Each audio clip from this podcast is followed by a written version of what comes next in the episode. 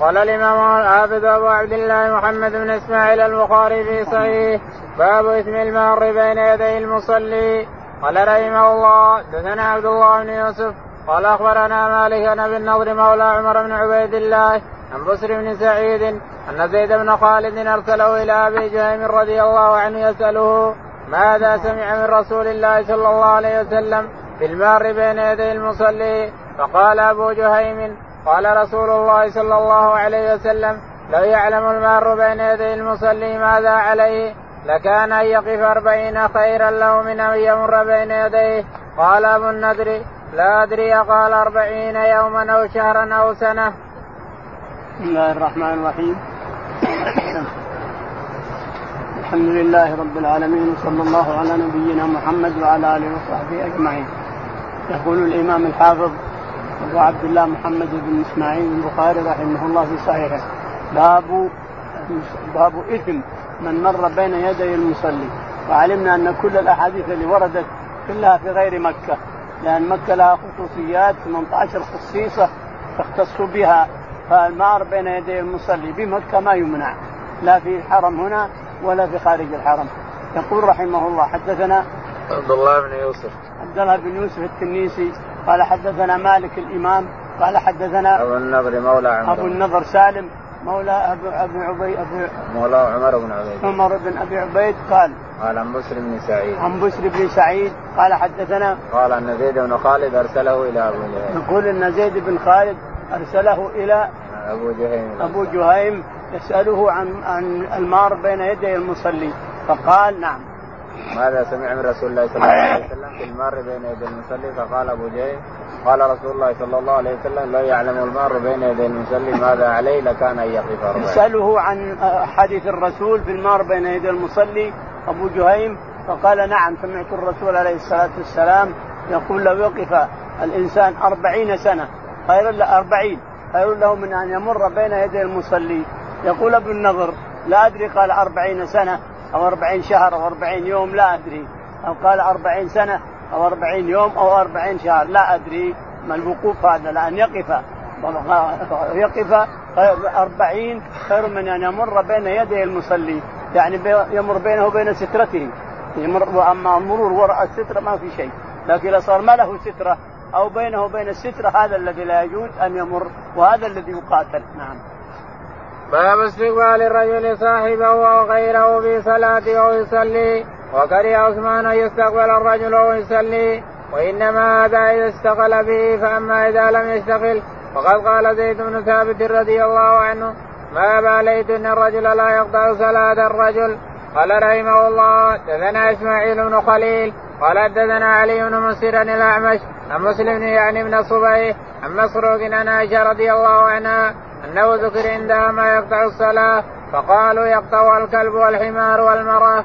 قالت لقد جعلتمونا كلابا لقد رأيت النبي صلى الله عليه السلام يصلي وإني لبينه وبين القبلة وأنا مضطجعة على السرير فتكون لي الحاجة فأكره أن أستقبله فانسل انسلالا وعن الأعمش عن إبراهيم عن الأسود عن عائشة نحوه يقول البخاري رحمه الله حدثنا باب استقبال الرجل صاحبه باب استقبال الرجل صاحبه. يعني تستقبل الرجل الرجل يصلي وتستقبل رجلا قدامك الإنسان. هذا مكروه. هذا استقبال مكروه. أما كونه جالس كونه مضطجع أو كونه في هذا شيء آخر. لكن كونك تستقبل الإنسان كانك تشابه من يعبد غير الله. مكروه هذا لأنك تشابه من يعبدون غير الله. الصلاة إلى نار أو الصلاة إلى آدمي أو الصلاة إلى شيء من يشغلك عن صلاتك أو أعلام كل هذا مكروه.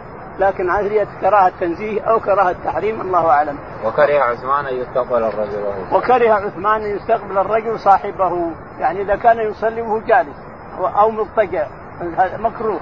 أما إذا كان مار بين يديه فهذا شيء آخر نعم. وإنما هذا إذا اشتغل به. وإنما الكلام هذا والكراهة هذه إذا اشتغل به. اذا اشتغل لأن, لأن المهم أنك لا تشتغل بمن قدامك الإنسان.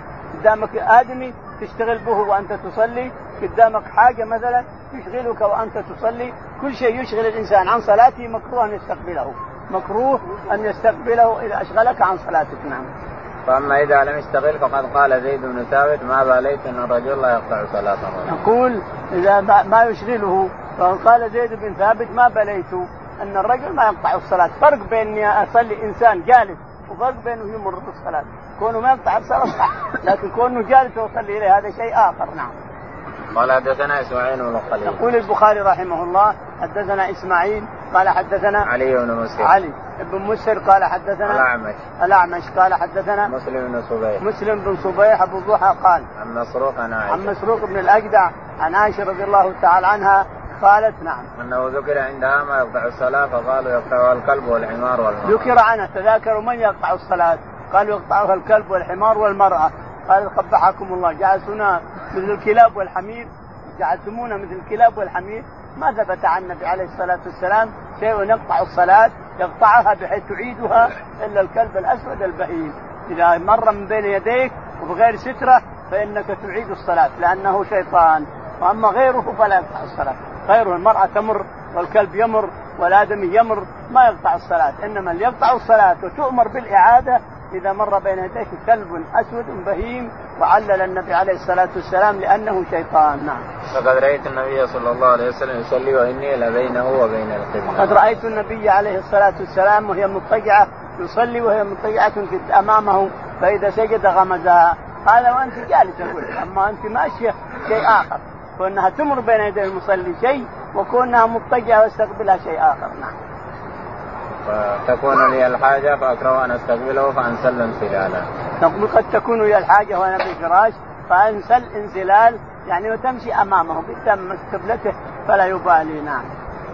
قال وعن الأعمش عن إبراهيم عن الاسود. نقول وعن الأعمش يعني متابعات عن الأعمش عن إبراهيم بن يزيد النخعي عن الأسود عن عمه الأسود بن يزيد عن عن عائشة عن عائشة نعم.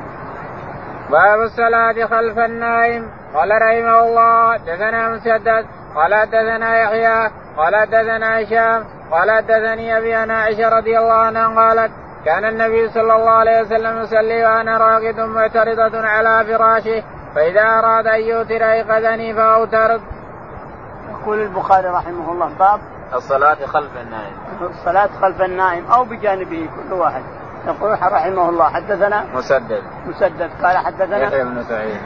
يحيى بن سعيد القطان قال قال حدثنا هشام بن عروة. حدثنا هشام بن عروة. عن أبي. عن أبي عروة عن عائشة رضي الله تعالى عنها قالت كان النبي صلى الله عليه وسلم يصلي وأنا راقدة تقول عائشة كان النبي عليه الصلاة والسلام يصلي وأنا راقدة أمامه قدامه فإذا أراد أن يسجد غمزها فكف رجليها نعم.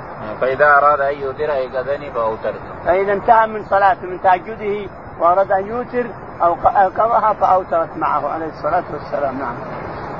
باب التطوع خلف المرأة قال رحمه الله دثنا عبد الله بن يوسف قال أخبرنا مالك عن أبي النور مولى عمر بن عبيد الله عن أبي سلمة بن عبد الرحمن عن عائشة زوج النبي صلى الله عليه وسلم أنها قالت كنت أنا بين يدي رسول الله صلى الله عليه وسلم ورجلاي في قبلتي فإذا سجد غمزني فقبضت رجلي فإذا قام بسطتهما قالت والبيوت يومئذ ليس فيها مصابيح.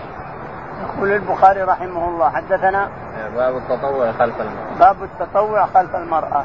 حدثنا عبد الله بن يوسف. عبد الله بن يوسف قال حدثنا مالك بن أنس. مالك بن أنس قال عن أبي النضر مولى عن أبي النضر سالم مولى عمر بن ابي عبيد قال عن أبي سلمة بن عبد عن أبي سلمة بن عبد الرحمن. عن عائشة. عن عائشة رضي الله تعالى عنها أنها قالت كانت أمام الرسول عليه الصلاة والسلام مضطجعة وهو يصلي يتطوع فإذا أراد أن يسجد غمزها لأنها مادت رجليها رضي الله عنها وأرضاها فإذا سجد غمزها فكفت رجليها فإذا انتهى قام مدت رجليها إلى آخره. يعني طول ما كان يصلي التطوع نعم. باب من قال لا يقطع الصلاة شيء. قال رحمه الله دثنا عمر بن حفص قال حدثنا أبي قال حدثنا الأعمش قال حدثنا إبراهيم بن الأسود عن عائشة قال الأعمش حدثني مسلم عن مسروق عن عائشة ذكر عندها ما يقطع الصلاة الكلب والحمار والمرأة فقالت شبهتمونا فقالت شبهتمونا بالحمر والكلاب. والله لقد رأيت النبي صلى الله عليه وسلم يصلي وإني على السرير بينه وبين القبلة مضطجعة فتبدو لي الحاجة فأكره أن أجلس فأوذي النبي صلى الله عليه وسلم فأنسل من عند رجليه. يقول البخاري رحمه الله باب من قال لا يقطع الصلاة من قال لا يقطع الصلاة شيء. حدثنا عمر بن حفص. عمر بن حفص بن غياث قال حدثنا عن أبي حفص بن غياث. عن أبي حفص بن غياث قال حدثنا الأعمش. حدثنا الأعمش قال حدثنا إبراهيم بن يزيد. إبراهيم بن يزيد النخعي قال عن عمه الأسود بن يزيد عن عائشة رضي الله تعالى عنها. وقال الاعمش حدثني مسلم بن ثم ثم قال البخاري متابعة وحدثنا الأعمش قال حدثنا مسلم بن صبيح مسلم بن صبيح أبو الضحى عن مسروق عن, عن مسروق عن عائشة رضي الله تعالى عنها أنها قالت كانت تنام على السرير السرير اللي ينام عليه الرسول عليه الصلاة والسلام وكان يصلي فوق السرير عليه الصلاة والسلام. وتقول عائشة إذا أبدت لي الحاجة انسل انسلال علشان لا اؤذي الرسول عليه الصلاة والسلام. معنى هذا أن المرأة لا تقطع الصلاة والكلب ما يقطع الصلاة والحمار ما يقطع الصلاة. انما اللي يقطع الصلاة الكلب الأسود البهيم فقط. بس هذا اللي ثبت. قال رحمه الله حدثنا إسحاق. قال أخبرنا يعقوب بن إبراهيم. قال حدثنا ابن اخ بن شهاب أنه سأل عمه عن الصلاة يقطعها شيء فقال لا يقطعها شيء. أخبرني عروة بن الزبير أن عائشة زوج النبي صلى الله عليه وسلم قالت لقد كان رسول الله صلى الله عليه وسلم يقوم فيصلي من الليل وإني لمعترضه بينه وبين القبلة على فراش أهله. يقول البخاري رحمه الله حدثنا إسحاق بن إبراهيم. إسحاق بن إبراهيم قال حدثنا يعقوب بن إبراهيم. يعقوب بن إبراهيم قال حدثنا ابن أخي بن شهاب. ابن أخي بن شهاب محمد بن عبد الله ابن مسلم ابن اخ بن شهاب. قال حدثنا ابن شهاب واسمه محمد أيضا. قال حدثنا؟ قال أنه سأل عمه أن الصلاه يقطعها شيء فقال لا يقطعها شيء. انه أنه سئل. سأل هل يقطع الصلاه شيء؟ قالوا لا يقطعها شيء. ثم نسبوا الحديث عن عائشة رضي الله عنها أنها كانت تصلي في قبلة الرسول عليه الصلاة والسلام فتتهجد ثم تبدو لها الحاجة أما أنه يغمزها اذا كانت نائمة أو أنها تنسل بين يديه وتذهب من هذا الصلاه لا يقطعها شيء. الصلاة لا يقطعها شيء اطلاقا. الكلب الأسود البهيم كما أخبر عليه الصلاة والسلام. نعم. باب إذا عمل جارية صغيرة على عنقه في الصلاة قال رحمه الله حدثنا عبد الله بن يوسف قال أخبرنا مالك عن عمرو بن عبد الله بن الزبير عن عمرو بن سليم الزرقي عن أبي قتادة الأنصاري رضي الله عنه أن رسول الله صلى الله عليه وسلم كان يصلي وهو حامل أمامه بنت زينب بنت رسول الله صلى الله عليه وسلم ولابن العاص بن ربيع بن عبد شمس فإذا سجد وضعها وإذا قام حملها. يقول البخاري رحمه الله باب حمل الطفلة على كتفيه وهو يصلي. يقول رحمه الله هذا العمل هذا العمل يفعل أحد اليوم سنخرجه من الإسلام. ياخذ إنسان بنته أو بنت بنته يصلي بها وهو إمام يصلي يحطها على كتفه الأقام. يضع الأرض ثم يأخذها أوه يخرجونك من الإسلام الإنسان. لأن ما في أحد يعرف الشريعة. الشريعة ابعدت أنوارها وابعدت الرسالة عن الناس. القرن الخامس عشر الآن. خلاص ما فيه إلا الزيت في الزيت. ما فيه إلا زيت في زيت كله. لا يعرفون الشريعة ولا يعرفون الدين ولا يعرفون شيء. قليل منهم الصالح الذي تعالى وتقدس ينجي الله الأمة بصلاحه ودعائه. قليل منهم الصالح التي ينجي الله هذه الأمة بسبب دعائهم وسلم لولا عباد للاله ركعوا وصبية من اليتامى رضعوا ومهملات في الفلاة رتعوا. صب عليكم العذاب الموجع. لكن الله تعالى وتقدس يدافع عن الناس ويدافع عنهم العذاب أن ينزل بسبب أبطال الرضع أو بهائم رتع. لولا عباد لله وعباد من الصالحين ركع بالليل يصلون بالليل يتهجدون لولا هؤلاء وهؤلاء لقلبت الأرض على أهلها. لكن وجود الصالحين على الناس وجود الصالحين في الأرض هو الذي يثبت الله تعالى وتقدس به الأرض وينزل به المطر وينبت به العشب. دعاء الصالحين. إنما تنصرون إنما ترزقون وتنصرون بضعفائكم الصالحين. نعم.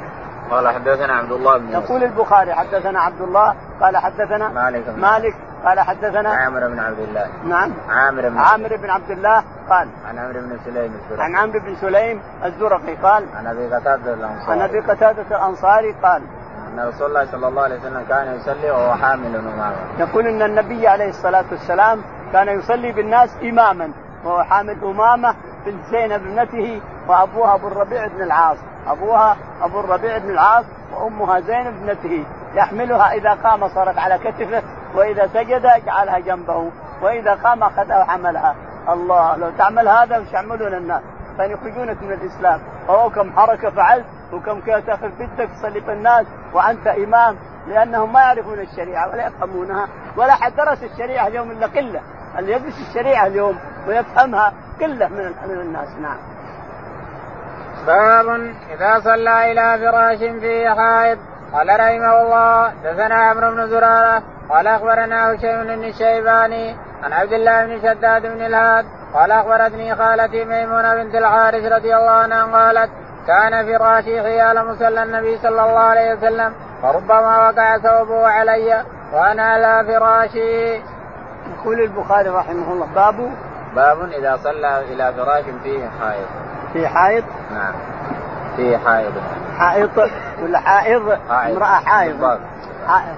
يقول رحمه الله باب إذا صلى إلى فراش فيه امرأة حائض يقول حدثنا عمرو بن زرارة حدثنا عمرو بن زرارة قال حدثنا هشيم بن بشير حسين هشيم بن بشير هشيم بن بشير قال حدثنا الشيباني الشيباني قال سليمان بن عن عبد الله بن شداد عن عبد الله بن شداد بن الهاد عن خالته ميمونة وسبق أن قلنا إن عبد الله بن شداد بن الهاد هذه أمه أخت ميمونة من من الأم اسمها سلمى بنت أبي عميس أخت ميمونة من الأم فهي خالته من الأم لأنه أخت أمه من الأم فكان يبات يبيت عندها.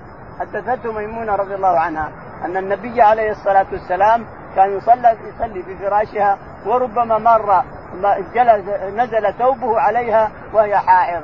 ما في شيء هذا كله كله ما في شيء. الحائض ليست نجسة وإذا نزل ثوبك عليه وهي حائض ما ينجس نعم قال رحمه الله دثنا أبو النعمان قال دثنا عبد الواحد بن زياد قال دثنا الشيباني سليمان قال دثنا عبد الله بن شداد قال سمعت ميمونة رضي الله عنها تقول كان النبي صلى الله عليه وسلم يصلي وأنا إلى جنبه نائمة فإذا سجد أصابني ثوبه وأنا حائض وزاد مسدد عن خالد.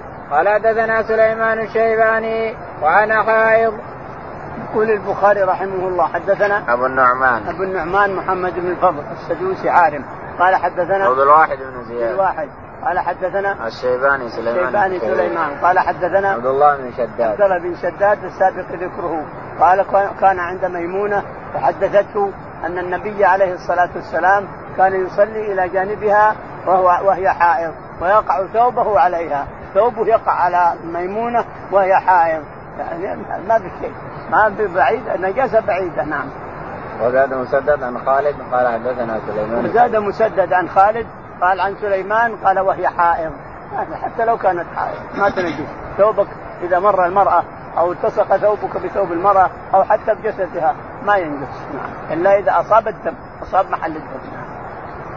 باب هل يغمز الرجل امرأته عند السجود لكي يسجد؟ قال رحمه الله دثنا عمرو بن علي قال حدثنا يحيى قال حدثنا عبيد الله قال حدثنا القاسم عن عائشة رضي الله عنها قالت بسما عدلتمونا بالكلب والحمار لقد رأيتني ورسول الله صلى الله عليه وسلم يصلي وأنا مضطجعه بينه وبين القبلة فإذا أراد أن يسجد غمز رجلي فقبضتهما. يقول البخاري رحمه الله باب باب هل يغمز الرجل باب هل يغمز الرجل امرأته إذا كانت مضطجعة وهو يريد أن يصلي يغمز رجليها تكفها أنا أصلي وهي متعجا أمامي فإذا أردت أن أسجد غمزت رجليها تكفين ثم أسجد مكان رجليها. يقول البخاري رحمه الله حدثنا عمرو بن بن علي الفلاس الإمام الحافظ رحمه الله. علي عمرو بن علي الفلاس الإمام الحافظ شيخ الستة. قال حدثنا يحيى بن سعيد. يحيى بن سعيد. قال حدثنا عبيد الله بن عمر. عبيد الله بن عمرو. قال عبيد الله بن عمر. عبيد الله بن عمر العمري قال قال حدثنا القاسم بن محمد. قال حدثنا القاسم بن محمد عن عائشة, عن عائشة رضي الله تعالى عنها أنها قالت إنها كانت مضطجعة في قبلة الرسول عليه الصلاة والسلام فيقوم يصلي آخر الليل فإذا أراد أن يسجد غمزها فكفت رجليها وكانت رجليها ملتصقة بعض الناس أخطأ في رجلي الرسول يقول رجلي الرسول ملتصقه إذا سجدت فألصق رجليك. هذا لا يثبت عن النبي عليه الصلاة والسلام. إنما الذي ملتصقه رجليها عائشة رضي الله عنها فيغمزها وتكفهن. أما الرسول فعادة كل صلاته يجافي بين رجليه وبين يديه وبين جنبه إلى آخره. أما التصاق الرجلين وأنا ساجد فهذا لم يثبت عن النبي عليه الصلاة والسلام. وجد في صفه الصلاة في صلاه النبي لبعض الناس. نعم. باب المرأة تطرح عن المصلي شيئا من الأذى. قال رحمه الله حدثنا أحمد بن إسحاق السوماري. قال حدثنا عبيد الله بن موسى. قال حدثنا إسرائيل عن أبي إسحاق. عن عمرو بن ميمون. عن عبد الله رضي الله عنه. قال بينما رسول الله صلى الله عليه وسلم قائم يصلي عند الكعبة وجمع قريش في مجالسهم. إذ قال قائل منهم ألا تنظرون إلى هذا المرائي؟ أيكم يقوم إلى جزور آل فلان؟ فيعمد إلى فرثها ودمها وسلاها فيجيء به ثم يميله حتى إذا سجد وضعه بين كتفيه فانبعث أشقاهم فلما سجد رسول الله صلى الله عليه وسلم وضعه بين كتفيه وثبت النبي صلى الله عليه وسلم ساجدا. فضحكوا حتى مال بعضهم إلى بعد من الضحك.